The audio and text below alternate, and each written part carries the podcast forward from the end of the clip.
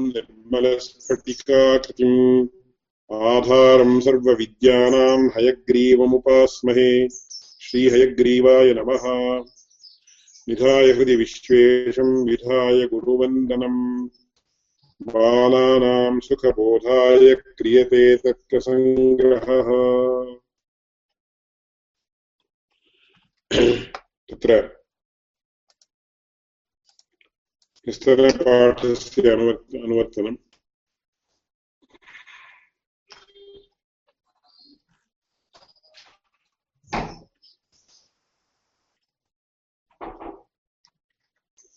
इन्द्रियार्थसन्निकर्षजन्यम् ज्ञानम् प्रत्यक्षम् तद्विविधम् निर्विकल्पकम् सविकल्पकम् चेति इति तत्र इन्द्रियार्थसन्निकर्षजन्यम् ज्ञानम् यद् भवति तत् द्विविधम् निर्विकल्पकम् सविकल्पकम् चेति। प्रधानतः द्विविधम् तत्र निष्प्रकारकम् ज्ञानम् निर्विकल्पकम् इति तत्र उदाहरणं दत्तं। तदुपरि सप्रकारकं ज्ञानं सविकल्पकं यथा डित्थोऽयं, ब्राह्मणोऽयं, श्यामोऽयं, पाचकोऽयम् इति। तत्र अन्यत्र एवं वर्तते। डित्थोऽयं, ब्राह्मणोऽयं श्यामोऽयं पाचकोऽयम् इति। तत्र निष्प्रकारकम् सप्रकारकम् इति भेदः। तत्र मया पूर्वं यदुक्तं तत् स्मर्तव्यम्।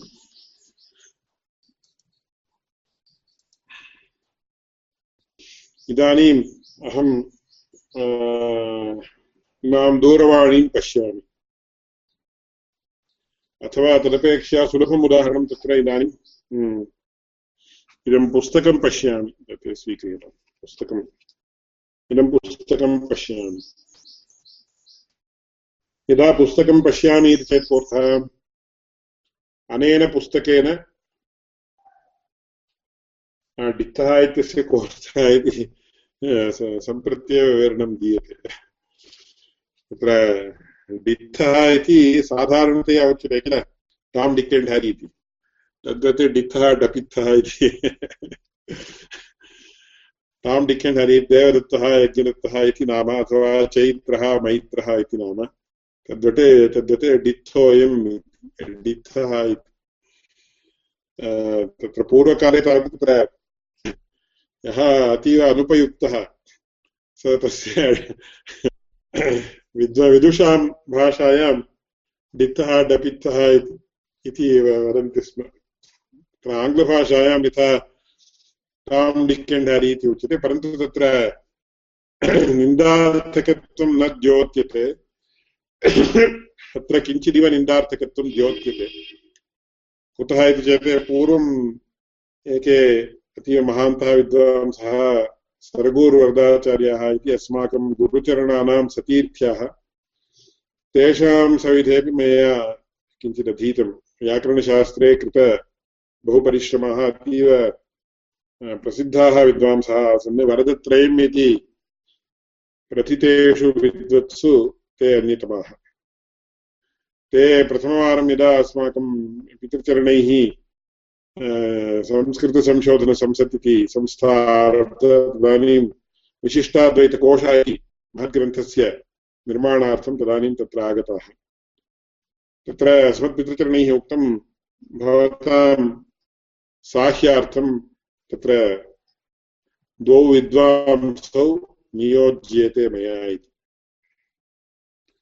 तदानीं तैः तौ तौ तत्र तत्रैव विद्यमानौ तौ लोकल् केण्डिडेट्स् इति उच्यते तौ द्वौ द्वौ विद्वांसौ तत्र नियुक्तौ परन्तु ते न व्युत्पन्नाः अतः तैः उक्तं இந்த டித்தண்ட் அப்பித்தனை வச்சு நான் என்ன வேலை செய்கிறது इति पृष्टं तैः इमौ डित्थडपित्थवादाय किं कार्यं करोमि अहम् इति चेत् डित्था डपित्थः इति तत्र यद्यपि टाम् डिक् एण्ड् हरि इत्यस्मिन् अर्थे उच्यते परन्तु तत्र अनन्तर अनन्तरकालिकभाषायां व्यवहारे तत्र किञ्चिदिव निन्दार्थकत्वमपि द्योत्यते परन्तु डित्थः एकः प्रश्नः अस्ति। काष्ठनिर्मितगजः काष्ठनिर्मितं मृगाः अपि डित्थः इति उच्यते इति मया पठितम्। एतत् सत्यं वा? स्यात् स्यात्। तत्र अनेके अर्थाः भवितुमर्हन्ति कस्यचित् शब्दस्य। हम्म। अतः तत्र सः अर्थः अपि स्यात्। अहं एवं चिन्तितवान् काष्ठनिर्मितगजः इति अस्ति चेत् यद्यपि गजवत् भासते बलवान् इति भासते किन्तु प्रयोजनं नास्ति किल। अतः एव डिक्तः इति चेत् यद्यपि सम्यक् दृश्यते प्रयोजनं नास्ति इति। एवं वास्तवं समीचीनं तदपि स्यात् परन्तु डपित्थः इत्यस्य अर्थः इति पदं कुत्रापि अस्ति वा इति किञ्चित् अन्विषन्तु। न एवम् एवं पठितवान् कुत्र इति चेत् अहं चिन्तयामि शब्दकल्पद्रुमे वा कुत्रापि डित्थः इति चेत् काष्ठनिर्मितगजः। किन्तु डवित्थः अहं न जानामि डवित्थः इति पदमासीत् तत्र अन्यमृगाः एवं काष्ठेन निर्मिताः सन्ति चेत् अन्ये सर्वे अपि डवित्थाः इति उच्यन्ते इति। तथा तत्र तथा स्यात् तथा स्यात् इदा इदं ममापि इदानीं नूतनं तर्हि इदं समीचीनं विवरणं यथा तत्र काष्ठनिर्मितगजः तत्र कार्याय न उपकल्पते केवलं तत्र गजत्वेन तस्य दर्शनादिकं सम्भवति परन्तु तदादाय किमपि कार्यं न कर्तुं शक्यते तद्वत् केवलं तत्र पूर्वम् इदं सर्वं विनोदार्थम् उच्यते स्म अस्माकं ग्रामे तत्र एवं पठितारः पठितृत्वेन भासमानाः केचन जनाः भवन्ति स्म सम्यक् द्वादशोर्ध्वपुङ्गादिकं धृत्वा सम्यक् बहु समीचीनतया तत्र दण्डं समर्पीक्रियते इति तमिळ् भाषायाम् उच्यते तत्र सम्यक् अष्टाङ्गनमस्कारादिकं कृत्वा पञ्चाङ्गम् अष्टाङ्गम् इत्यादिकम् उच्यते किल साष्टाङ्गनमस्कारः इति। एवं कृत्वा तत्र परीक्षार्थम् उपविशेयुः। तत्र एकैः पृष्टं तत्र परीक्षायां, वेदान्तपरीक्षा आसीत्। प्रथमम् उपनिषदां विषये प्रश्नः कर्तव्यः आसीत्। उच्यतां, सम्यक् तत्र एवं बाडि लाङ्ग्वेज् अतीव अग्रेसिव् बाडि लाङ्ग्वेज् आसीत् तेषां तत्र अर्थः उच्यतां पराञ्चिखानि व्यतृणत् स्वयम्भूः इति तत्र अस्य मन्त्रस्य अर्थः उच्यताम् इति तत्र तदानीं सः विद्यार्थी बुद्धिमान् किन्तु अपरि अकृतपरिश्रमः सः अतः तदानीं तेन उक्तम् अस्य अर्थः एवं मया उच्यते। पराञ्चि पराञ्चि खानि खानि वितृणत् वितृणत् अर्थः साधारणतया संस्कृतज्ञानापि न ज्ञायते, तस्य कोऽर्थः इति। स्वयंभूः इति आगतम्। ओ, स्वयंभूः इति पदं कुत्रचित् पूर्वं स्मृतं स्वयंभूः इत्युक्ते धाताब्दयो निर्द्रुहिणः इति तत्र अमरकोशे किञ्चित् अवशात् स्मर्यते। कदाचित् अस्माभिः तत्र सन्त इति आङ्ग्लभा तमिळ् भाषायाम् उच्यते। तत्र गुरुमुखोच्चारण अनुच्चारणं कृत्वा किञ्चित् ये पितरः वा, अन्ये वा, गृहे विद्यमानाः, अग्रजाः, तेषां तत्र किं, ते अतीव निर्बन्धं कुर्वन्ति तेषां किञ्चित् पठ्यते।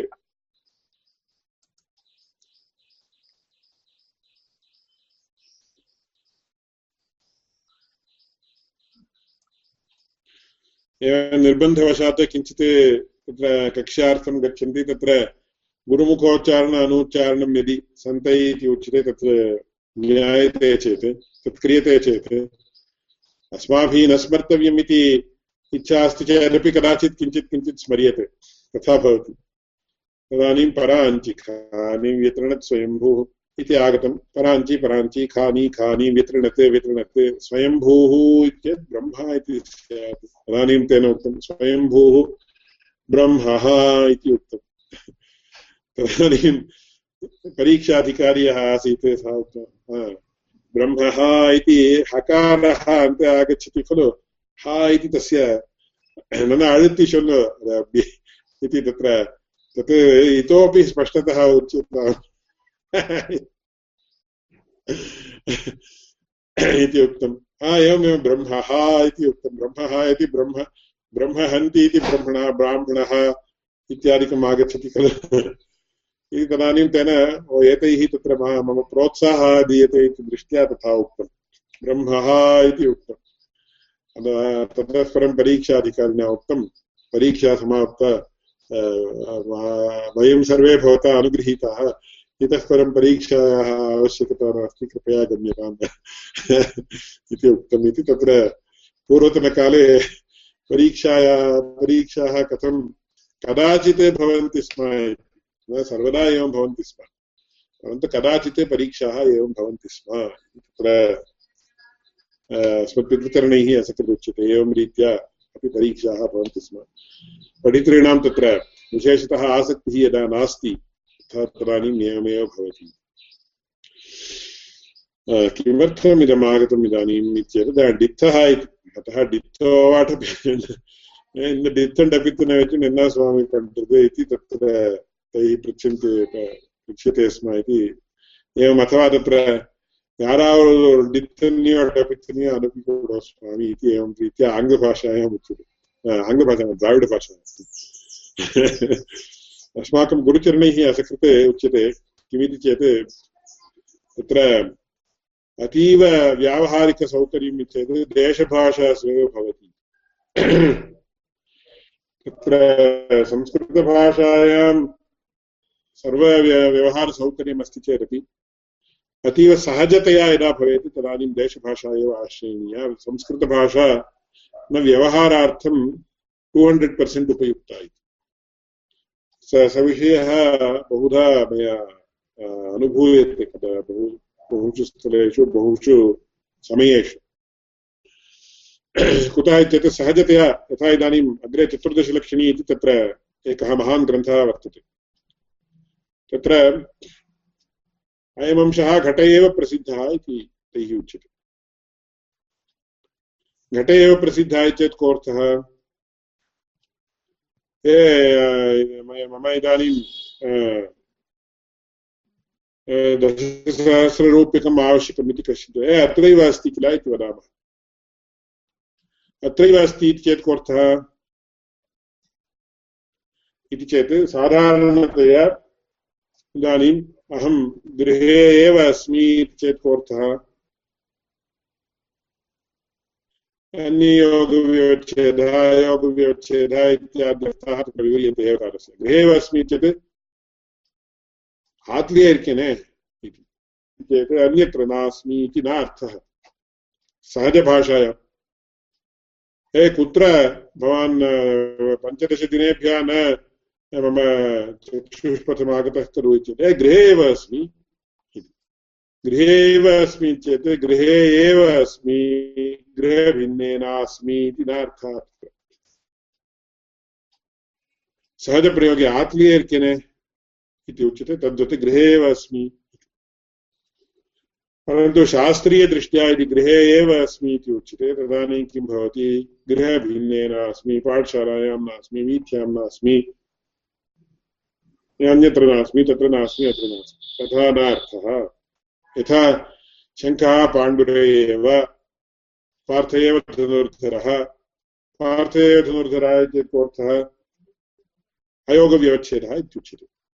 उच्यते पार्थ अन्यस्मिन् धनुर्धरत्वं नास्ति। इति। परन्तु गृहे एव अस्मि इति यदा अस्माभिः उच्यते, सहजतया तत्र गृहे एव अस्मि चेत् अत्रैव प्रतिदिनम् अहं यत्र भवामि तत्रैव भवामि इति एवमर्थः। परन्तु शास्त्रीयदृष्ट्या यदि क्रियते, तद् अन्ययोगव्यवच्छेदः कर्तव्यः, गृहे एव अस्मि गृहभिन्ने नास्मि तथा तस्मिन् अर्थे न उच्यते। अतः तत्र तत्त्वचिन्तामणिग्रन्थे घटे एव प्रसिद्धः चेत् घटे प्रसिद्ध एव इति व्याख्यां कुर्वन्ति। एवकारः तत्र परिवर्त्यते। घटे एव प्रसिद्धः चेत् घटभिन्नेन प्रसिद्धः इत्यर्थः आगच्छति। अतः घटे प्रसिद्ध इति एवं रीत्या व्याख्यानं कर्तव्यम् अस्माकं गुरुचरणैः न अनुमन्यते स्म। प्रतिदिनं व्यवह्रियते चेत् भवतः पुरतो विद्यमानघटः तत्रैव वर्तते खलु इति वदन्ति स्म। इति सहजतया अस्माभिरपि ज्ञायते परन्तु शास्त्रीयदृष्ट्या तावत् तत् न युज्यते। घटे एव प्रसिद्धः चेत् घटे अन्ययोगव्यवच्छेदः आगच्छति घटभिन्नेन प्रसिद्धः इत्यर्थः आगच्छति। अतः अनुपपत्तिर्भवति, अतः घटे प्रसिद्ध एव इति तत्र व्यत्यासः क्रियते। अत एव तैः उच्यते स्म संस्कृतभाषा लौकिकव्यवहारे सर्वत्र आनेतव्या शाकटिकव्यवहारः इति वर्तते, महाभाष्ये इति उच्यते तत्र भोजप्रबन्धे उच्यते, अन्यत्र उच्यते तत्र उच्यते, तत्र महाभाष्ये अन्यः अपि अन्यः अपि तथा श्रूयते। तत्र, भवद्भिः श्रुता स्यादियं तथा राज्ञः, राज्ञाः च, तत्र परस्परं जलक्रीडासमासक्तौ आस्तां तौ राजा, राज्ञी च। तदानीं राज्ञी एवम् उदकेन एवं शी स्प्लाश् सम् वाटर् आन् हर् मोदकैः मोदकैः ताडय। मोदकै मोदकै स्थाडय इति उक्तम् तदानीं तेन एवम् एषा वदति अतः मोदकान् आनीय एवं ताडनार्थं सः राजा अस्ति खलु मोदकाः सन्ति एव तत्र पाकगृहे। मोदकान् आदाय तद्वारा ताडयितुं प्रयत्नं कृतवान्। तदानीं तया उक्तं किम् एतावती न जानासि वा त्वं मा उदकैः ताडय, उदकैः मोदकैः ताडय इति उक्तं। किं भवता एवम् एतदपि न ज्ञायते, संस्कृतम् अधीष्व इति उक्तम्। इति अनन्तरं संस्कृताध्ययनं कृतवान् इति कथा आगच्छति। इदं सर्वम् अस्ति चेदपि तत्र लौकिकव्यवहारे अस्माभिः एकं पिन् इति वक्तव्यं चेत् तस्य समानार्थकं पदं न लभ्यते। सूची इति भवति। संस्कृत अन्यस्मिन् कस्मिन्नपि भाषायां नास्ति। कस्यापि भाषायां नास्ति। आङ्ग्लभाषा वा भवतु, तमिळ् भाषा वा भवतु, कन्नडभाषा वा भवतु पिन्निण्ड कुडुङ्गो इत्येव उच्यते। ऊषि इति कैश्चित् उच्यते ऊषि इति उच्यते नीड्ल् इत्यस्य भवति पिन् इत्यस्य न भवति। अतः शापि पिन् इद्रे कोडि इति उच्यते। अतः सर्वस्यापि शब्दस्य देशभाषासु अस्माभिः समानार्थकपदाः प्राप्तुं न शक्यन्ते। विशिष्य संस्कृतभाषा। इदानीं बनियन् इति उच्यते, अस्माभिः ध्रियते। शर्ट् इति उच्यते, अस्माभिः तत्र किञ्चित् एतैः युतकम् अन्तर्युतकं तत् एवम् एवम् इति किञ्चित् किञ्चित् तत्र किञ्चित् किञ्चित् किञ्चित् आनीतं तत्र। परन्तु कस्यापि न कस्यापि न तत्सर्वं स्मृतिपदे नापि सहजं तत् यत् असहजं तत् न अस्माभिः सर्वदा अनुसर्तुं शक्यते इत्यपि सृष्टिनियमः इति अस्माकम् आचार्यैः उच्यते असहजं सृष्ट्यां न तिष्ठति, तत् अपगच्छति। अस्तु एते सर्वेपि बहवः अतीव गहनाः विषयाः। परन्तु अस्माभिः यतः भवन्तः सर्वे अतीव प्रौढाः। दृष्ट्या इदं सर्वं विमर्शार्थम् अस्माभिः स्वीकर्तव्यम्। अतः एवं पार्थन्माभायैः डित्था इति शब्दस्य अर्थः कः इति प्रश्नकरणात् इदं सर्वम् आगतं। परन्तु समीचीनः विचारः, अयं सर्वोपि विषयः ज्ञातव्य एव, तत्र सन्देहो नास्ति। अन्योपि विषयः अस्मत् अस्मदाचार्यैः अस्मत् उच्यते स्म। केवलं पङ्क्तिः पङ्क्त्यर्थः इत्येव वक्तव्यम्, अन्यत् किमपि न वक्तव्यम् इति केषाञ्चित् अभिप्रायः। शास्त्रपाठावसरे किमपि लौकिकम् अन्यत् किमपि न वक्तव्यम्। तत् ते न अनुमन्य, अनुमन्यन्ते स्म कुतः इति चेत् तत्र कैश्चित् तेषां काले कैश्चित् ते यदा विद्यार्थिनः आसन्, तदानीं ते किमपि प्रश्नं कुर्युः चेत्, तदीय उपाध्यायाः किं वदेयुः चेत् एते विद्यार्थिनो भूत्वा एवं पृच्छन्ति स्म। भोः स्वामिन् एवं वर्तते किल? शास्त्रिणः इति तत्काले गुरून् एवं सम्बोधयन्तः आसन्। शास्त्रिणः, एवं लोके एवमस्ति किल? भवद्भिः एवम् उच्यते किल? इति प्रश्नः क्रियते चेत्। तत्र उपाध्यायैः उच्यते इदं सर्वं शास्त्रं। लोकस्य, अस्य नकस्य न कोऽपि सम्बन्धः वर्तते। अतः लोके एवमस्ति इति प्रश्नः क्रियते चेत्, भवान् शास्त्राध्ययनार्थम् अनर्हः। इदं सर्वं शास्त्रम् अतीव जागरूकतया इति तेषाम् उपाध्यायैः उच्यते स्म इति ते असकृत्य वदेयुः किमर्थम् इति चेत् तत्र विशिष्य न्यायशास्त्रं लोकायतं नान्त्यं योगं लोकायतश्चेति, लोकायतं चेति आन्वीक्षिकी त्रिविधा। इति तत्र अस्य न्यायशास्त्रस्यैव लोकायतम् इति नाम। चार्वाकमतस्य लोकायतम् इति नाम अनन्तरं सर्वदर्शनसङ्ग्रहकारेण सायणाचार्येण एवं नाम कृतम्। पूर्वं तु लोकायतं लोके आयतम् इति लोके सर्वत्रापि प्रसृतं शास्त्रं, न्यायशास्त्रमेव अत एव प्रतीतिशरणाः नैयायिकाः। पाप्युलर् एक्स्पीरियन्स् इति यदुच्यते तदेव प्रतीतिः प्रतीतिः ज्ञानम् इति उच्यते। तद्विरुद्धतया एकोऽपि अंशः न्यायशास्त्रे न उच्यते। अतः तत्र न्यायशास्त्रं कीदृशं, तस्य स्पिरिट् कीदृशम् इति अस्माभिः ज्ञातव्यं प्रथमम्। अतः लोकानुभवानुरोधेनैव सर्वं निरूप्यते। लोकानुभवस्य पोषकतया सर्वं निरूप्यते। एवं लोकानुभवम् आधारीकृत्य एव सर्वं निरूप्यते। त्रयमपि, त्रयः अंशाः अपि स्पष्टतया अस्माभिः ज्ञेयम्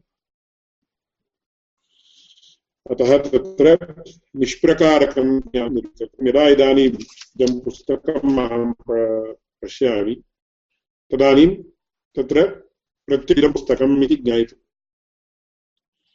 इदं पुस्तकम् इति ज्ञातव्यं चेत् तत्र किं का प्रक्रिया तत्र चलति इति चेत् आत्मा मनसा संयुज्यते इदं सर्वम् आन्तरम् आत्मा मनसा संयुज्यते मनः इन्द्रियेण इन्द्रियम् अर्थेन ततः प्रत्यक्षम् इदं चक्षुरिन्द्रियं तैजसं तत्र तैजसात् चक्षुरिन्द्रियात् नायनरश्मयः इति नयनवर्तिनः रश्मयः गत्वा वस्तु स्पृशन्ति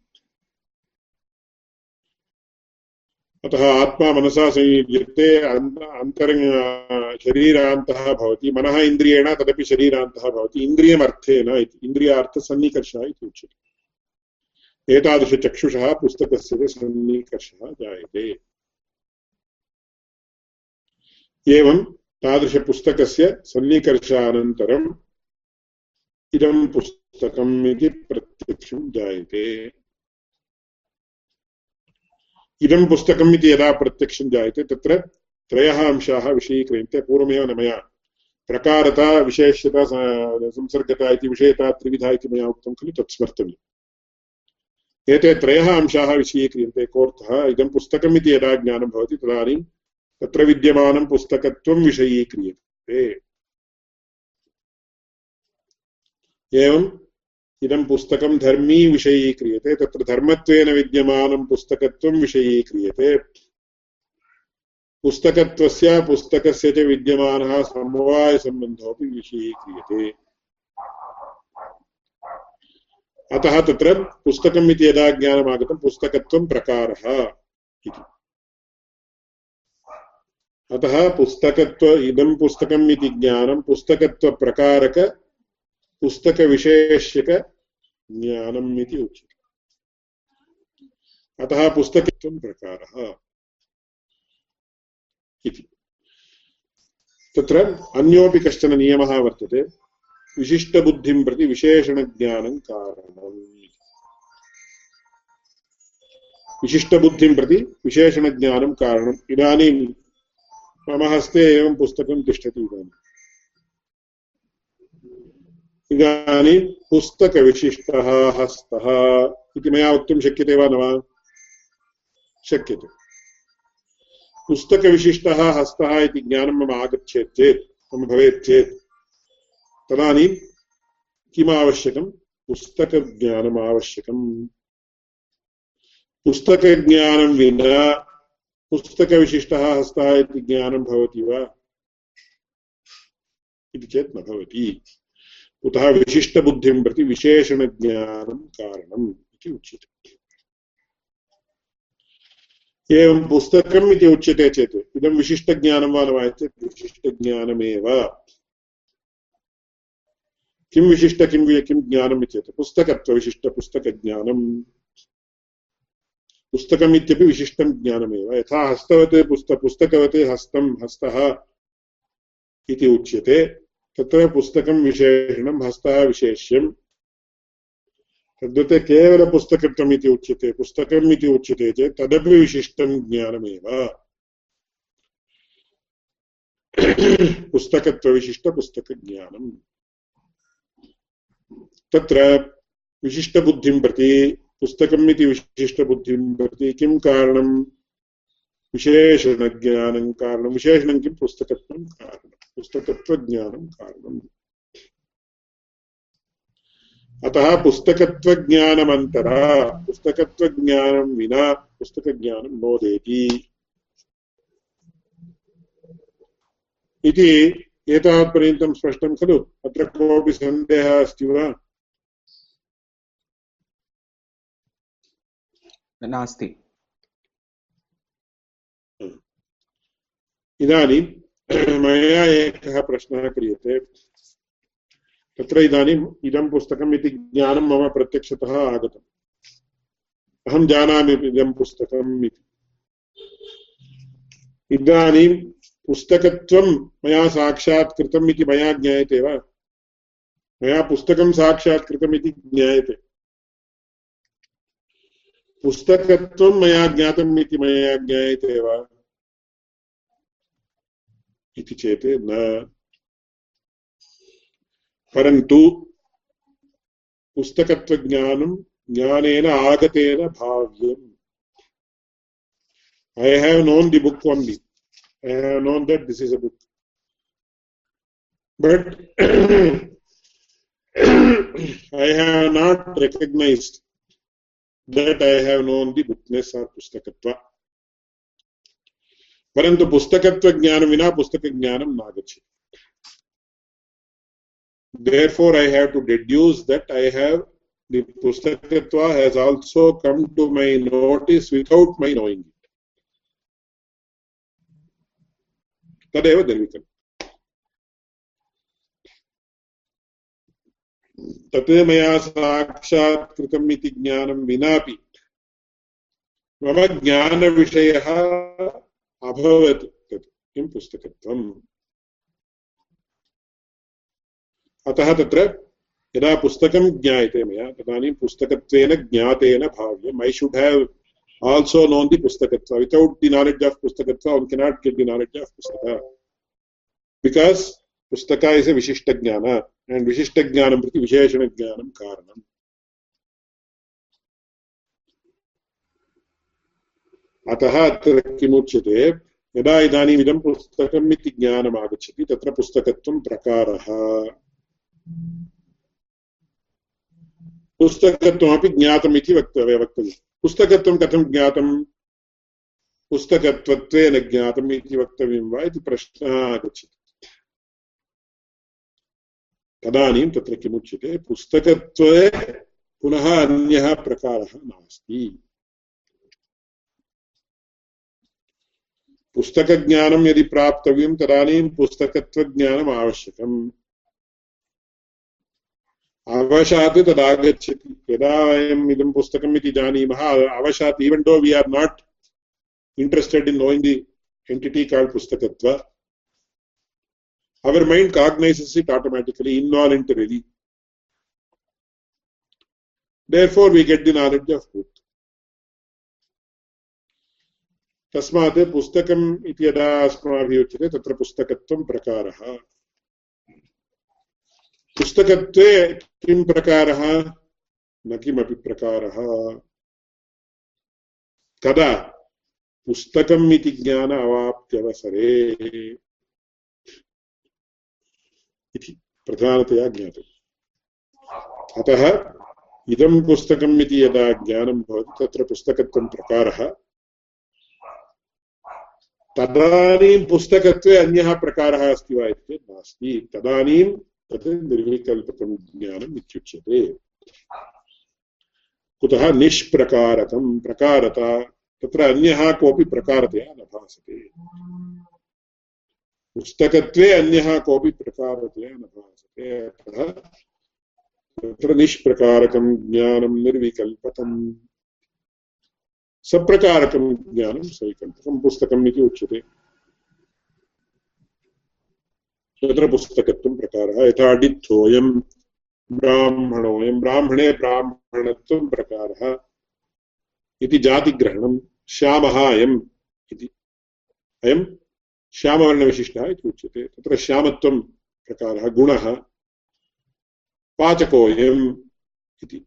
पाककर्ता कुक् सः पाचकत्वेन चेत् क्रियाश्रयत्वेन दृश्यते। अतः तत्र चत्वारः उदा, चत्वारि उदाहरणानि किमर्थानि इति चेत् द्रविग्रहणं, गुणग्रहणं, जातिग्रहणम् एवं क्रियाग्रहणं। तद्वारा द्रव्यस्य ग्रहणं यदा भवति तदानीं सप्रकारकम् इति उच्यते। एते सर्वे प्रकाराः इति अर्थः ज्ञातो वा पश्यन्तु, पङ्क्तिं पश्यन्तु। तत्र निष्प्रकारकं ज्ञानं निर्विकल्पकम्। अत्र इतोपि विषयाः बहवः वक्तव्याः वर्तन्ते। तत्र सविते विचाराः अनन्तरम् उच्यन्ते सप्रकारकं ज्ञानं सविकल्पकं यथा डित्थोऽयं ब्राह्मणोऽयं श्यामोऽयं पाचकोऽयमिति इति प्रधानतया द्विविधं। निर्विकल्पकं, सविकल्पकम् इति। ततः परं तत्र इन्द्रियार्थसन्निकर्षजन्यं ज्ञानं प्रत्यक्षम् इति उक्तं सन्निकर्षः कति विधः इति चेत् षड्विधः। प्रत्यक्षज्ञानहेन्द्रियार्थसन्निकर्षषड्विधः इति स विचारः श्वः प्रस्तूयते। अतः इदानीं प्रश्नाः सन्ति चेत् कृपया पृच्छन्तु।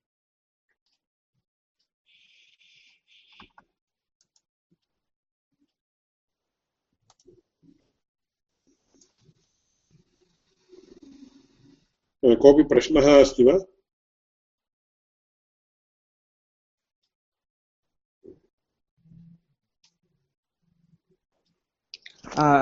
एकः प्रश्नः। अत्र द्रव्यं जातिः अनन्तरं गुणः न सम्यक् वा? क्रिया चत्वारि चत्वारः। एते सामान्यतया एतादृशभेदः एव शब्देषु क्रियते इति कारणात् एते चत्वारः प्रधानतया उदाहृताः वा इति मम प्रश्नः। चेत् तत्र जातिपुरस्कारेण ग्रहणं ब्राह्मणः इति क्रियापुरस्कारेण ग्रहणं पाचकः इति गुणपुरस्कारेण ग्रहणं श्यामः इति साधारणतया ग्रहणं डित्थः इति।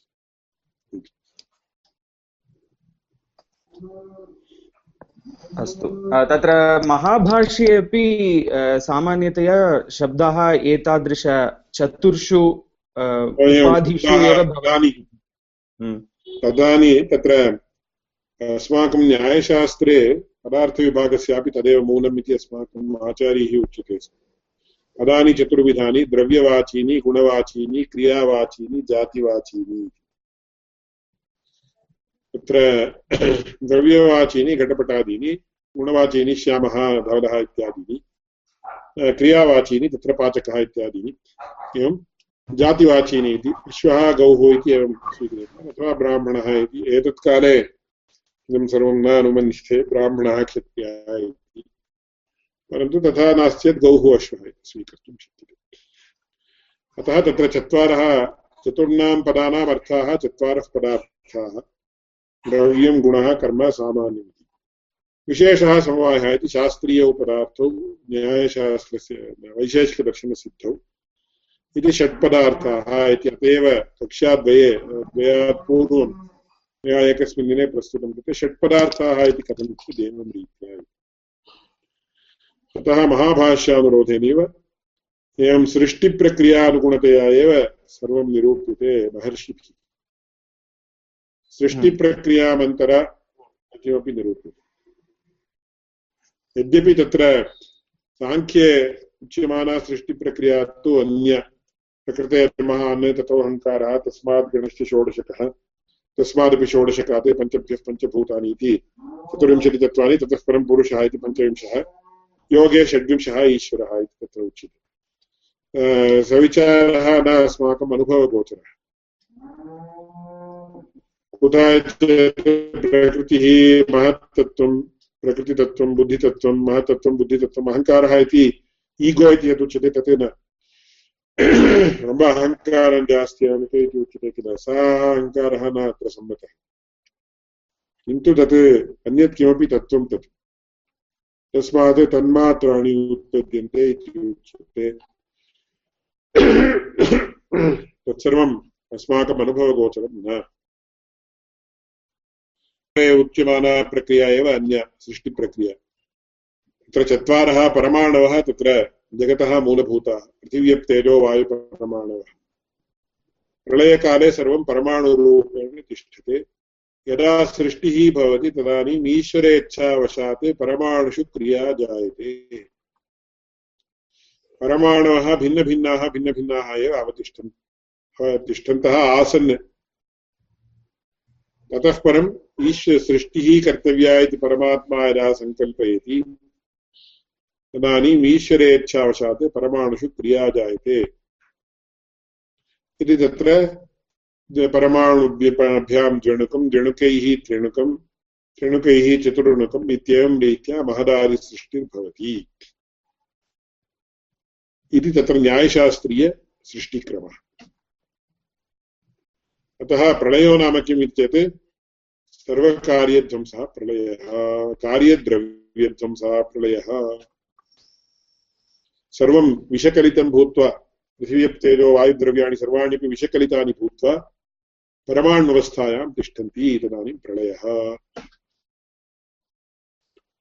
यदा तत्र पुनः परमाणुद्वयसंयोगा एवमेवमेवमेवं द्वाभ्यां परमाणुभ्यां जणुकं जणुकात् त्रिणुकं त्रिणुकात् चतुर्णुकम् इत्येवं भवति तदानीं सृष्टिः। इति दिस् इस् लाजिकल् एवमुच्यते चेत् एवम्। एवमस्माभिः बुद्ध्या ज्ञातुं शक्यते तन्मात्रात् एवम् उत्पद्यते सात्विकाहङ्कारात् एतादृशतन्मात्रसः कृतात् सात्विकाहङ्कारात् एतत्पद्येतदुत्पद्यते चेत् किं ज्ञायते? शब्दाः ज्ञायन्ते तावत्। न्यायशास्त्रेपि सूक्ष्मतराः ज्ञातुमशक्याः अंशाः वर्तन्ते। इदानीं पञ्चभूतानि इति उच्यते चेत् भूतं नाम किम् इति अस्माकम् आचार्यैः उच्यते स्म। तस्य स्वरूपं न सुलभं, स्वरूपज्ञानं न सुलभम्। इदं सर्वं भौतिकं पृथिवीभूतादागतमिति चेत् पृथिवीभूतस्य स्वरूपं किम्? इति प्रश्नः क्रियते अतीव सूक्ष्मः अंशः। न सुलभतया ज्ञातुं शक्यते। भौतिके भौतिकाः पदार्थाः ज्ञातुं शक्यन्ते। भूतं नाम किम् इत्येतत् अतः क्लेशः वर्तते, सृष्टेः विषये ज्ञानप्राप्तिः न तावत् सुलभा इति तैः स्फुरति परन्तु महर्षिभिः तादृश तत्त्वानां सर्वेषामपि साक्षात्करणात् तैः तदनुगुणमेव शास्त्रं विवृतम्, अधिकारिभेदेन। न्यायशास्त्रस्य मर्यादा अन्या साङ्ख्यादिशास्त्राणां वेदान्तशास्त्रस्य मर्यादा अन्या अतः तत्र सृष्टिप्रक्रिया अन्य अन्यरीत्या वर्ण्यते अत्र सृष्टिप्रक्रिया अन्यरीत्या वर्ण्यते अतीव महान् विषयः अतीव गहनो विषयः बहुधा तत्र तपादिभिः अस्माभिः ज्ञातव्यो विषयः तत्पूर्वं पङ्क्तिषु यत् पुस्तकेषु लिखितं तत्सर्वं पठनीयम् अस्माकम् आचार्यैः उच्यते स्म तत्र प्रथमं पुस्तके यद्यद्वर्तते तत्सर्वं सम्यक् पठ्यताम्। अनन्तरं तपः क्रियताम्, अथवा पेरललि इति उच्यते किल, तपः अपि कर्तव्यम्। एवं गुरूणाम् अनुग्रहः भगवतः अनुग्रहः अस्ति चेत् तस्य तत्त्वं ज्ञातुं शक्यते नो चेत् न शक्यते। परन्तु पुस्तके विद्यमानं यत् तत् प्रथमं ज्ञायताम्। इदानीम् अस्माभिः या, the exercise that we are doing, it is for the attainment of knowledge that is mentioned in the books. परन्तु साधारणजनैः डिप्तेन टपित्तेन वा न लिखितानि इमानि पुस्तकानि अपि तु महर्षिभिः महर्षिभिः प्रणीतानि सूत्राणि अन्नम्भट्टादिभिः तदनुमत तदनुगुणतया एव खलु इदं लिखितम् अन्ते अन्नम्भट्टैः किमुच्यते कारणादन्यायमतयोर्बालव्युत्पत्तिसिद्धये इति उच्यते कणादमहर्षिणा प्रोक्तरीत्या गौतममहर्षिणा प्रोक्तरीत्या एव मया सर्वम् उच्यते। उक्तम् इति उच्यते। अतः ऋषीणां साहित्यत्वात् अस्य सर्वस्यापि। अस्माभिः तत्र अतीव गौरवादिकं निक्षेपं। पूज्यताभाव, भावनया अस्माभिः यतनीयम् इति स्पष्टं ज्ञायते। अतीव गहनाः विषयाः तपोगम्याः इति असकृत् शतवारं, सहस्रवारं तैः उच्यमानमासीत्। इदानीमपि कदाचित् उच्यते यदा अस्माभिः तेषां सविधे गम्यते तैः उच्यते। एते सर्वे तपोगम्याः विषयाः, तत्त्वानि सर्वाण्यपि तपोगम्यानि। अतः तादृशी पूज्यभावना अस्माकम् आवश्यकी। मङ्गलश्लोक अनुसन्धानपुरस्सरं कक्ष्यां समापयामि। विधाय हृदि विश्वेशं विधाय गुणवन्दनम् बालानां सुखबोधाय क्रियते तर्कसङ्ग्रहः ज्ञानानन्दमयं देवं निर्मलस्फटिकाकृतिम्। आधारं सर्वविद्यानां हयग्रीवमुपास्महे। श्रीहयग्रीवाय नमः।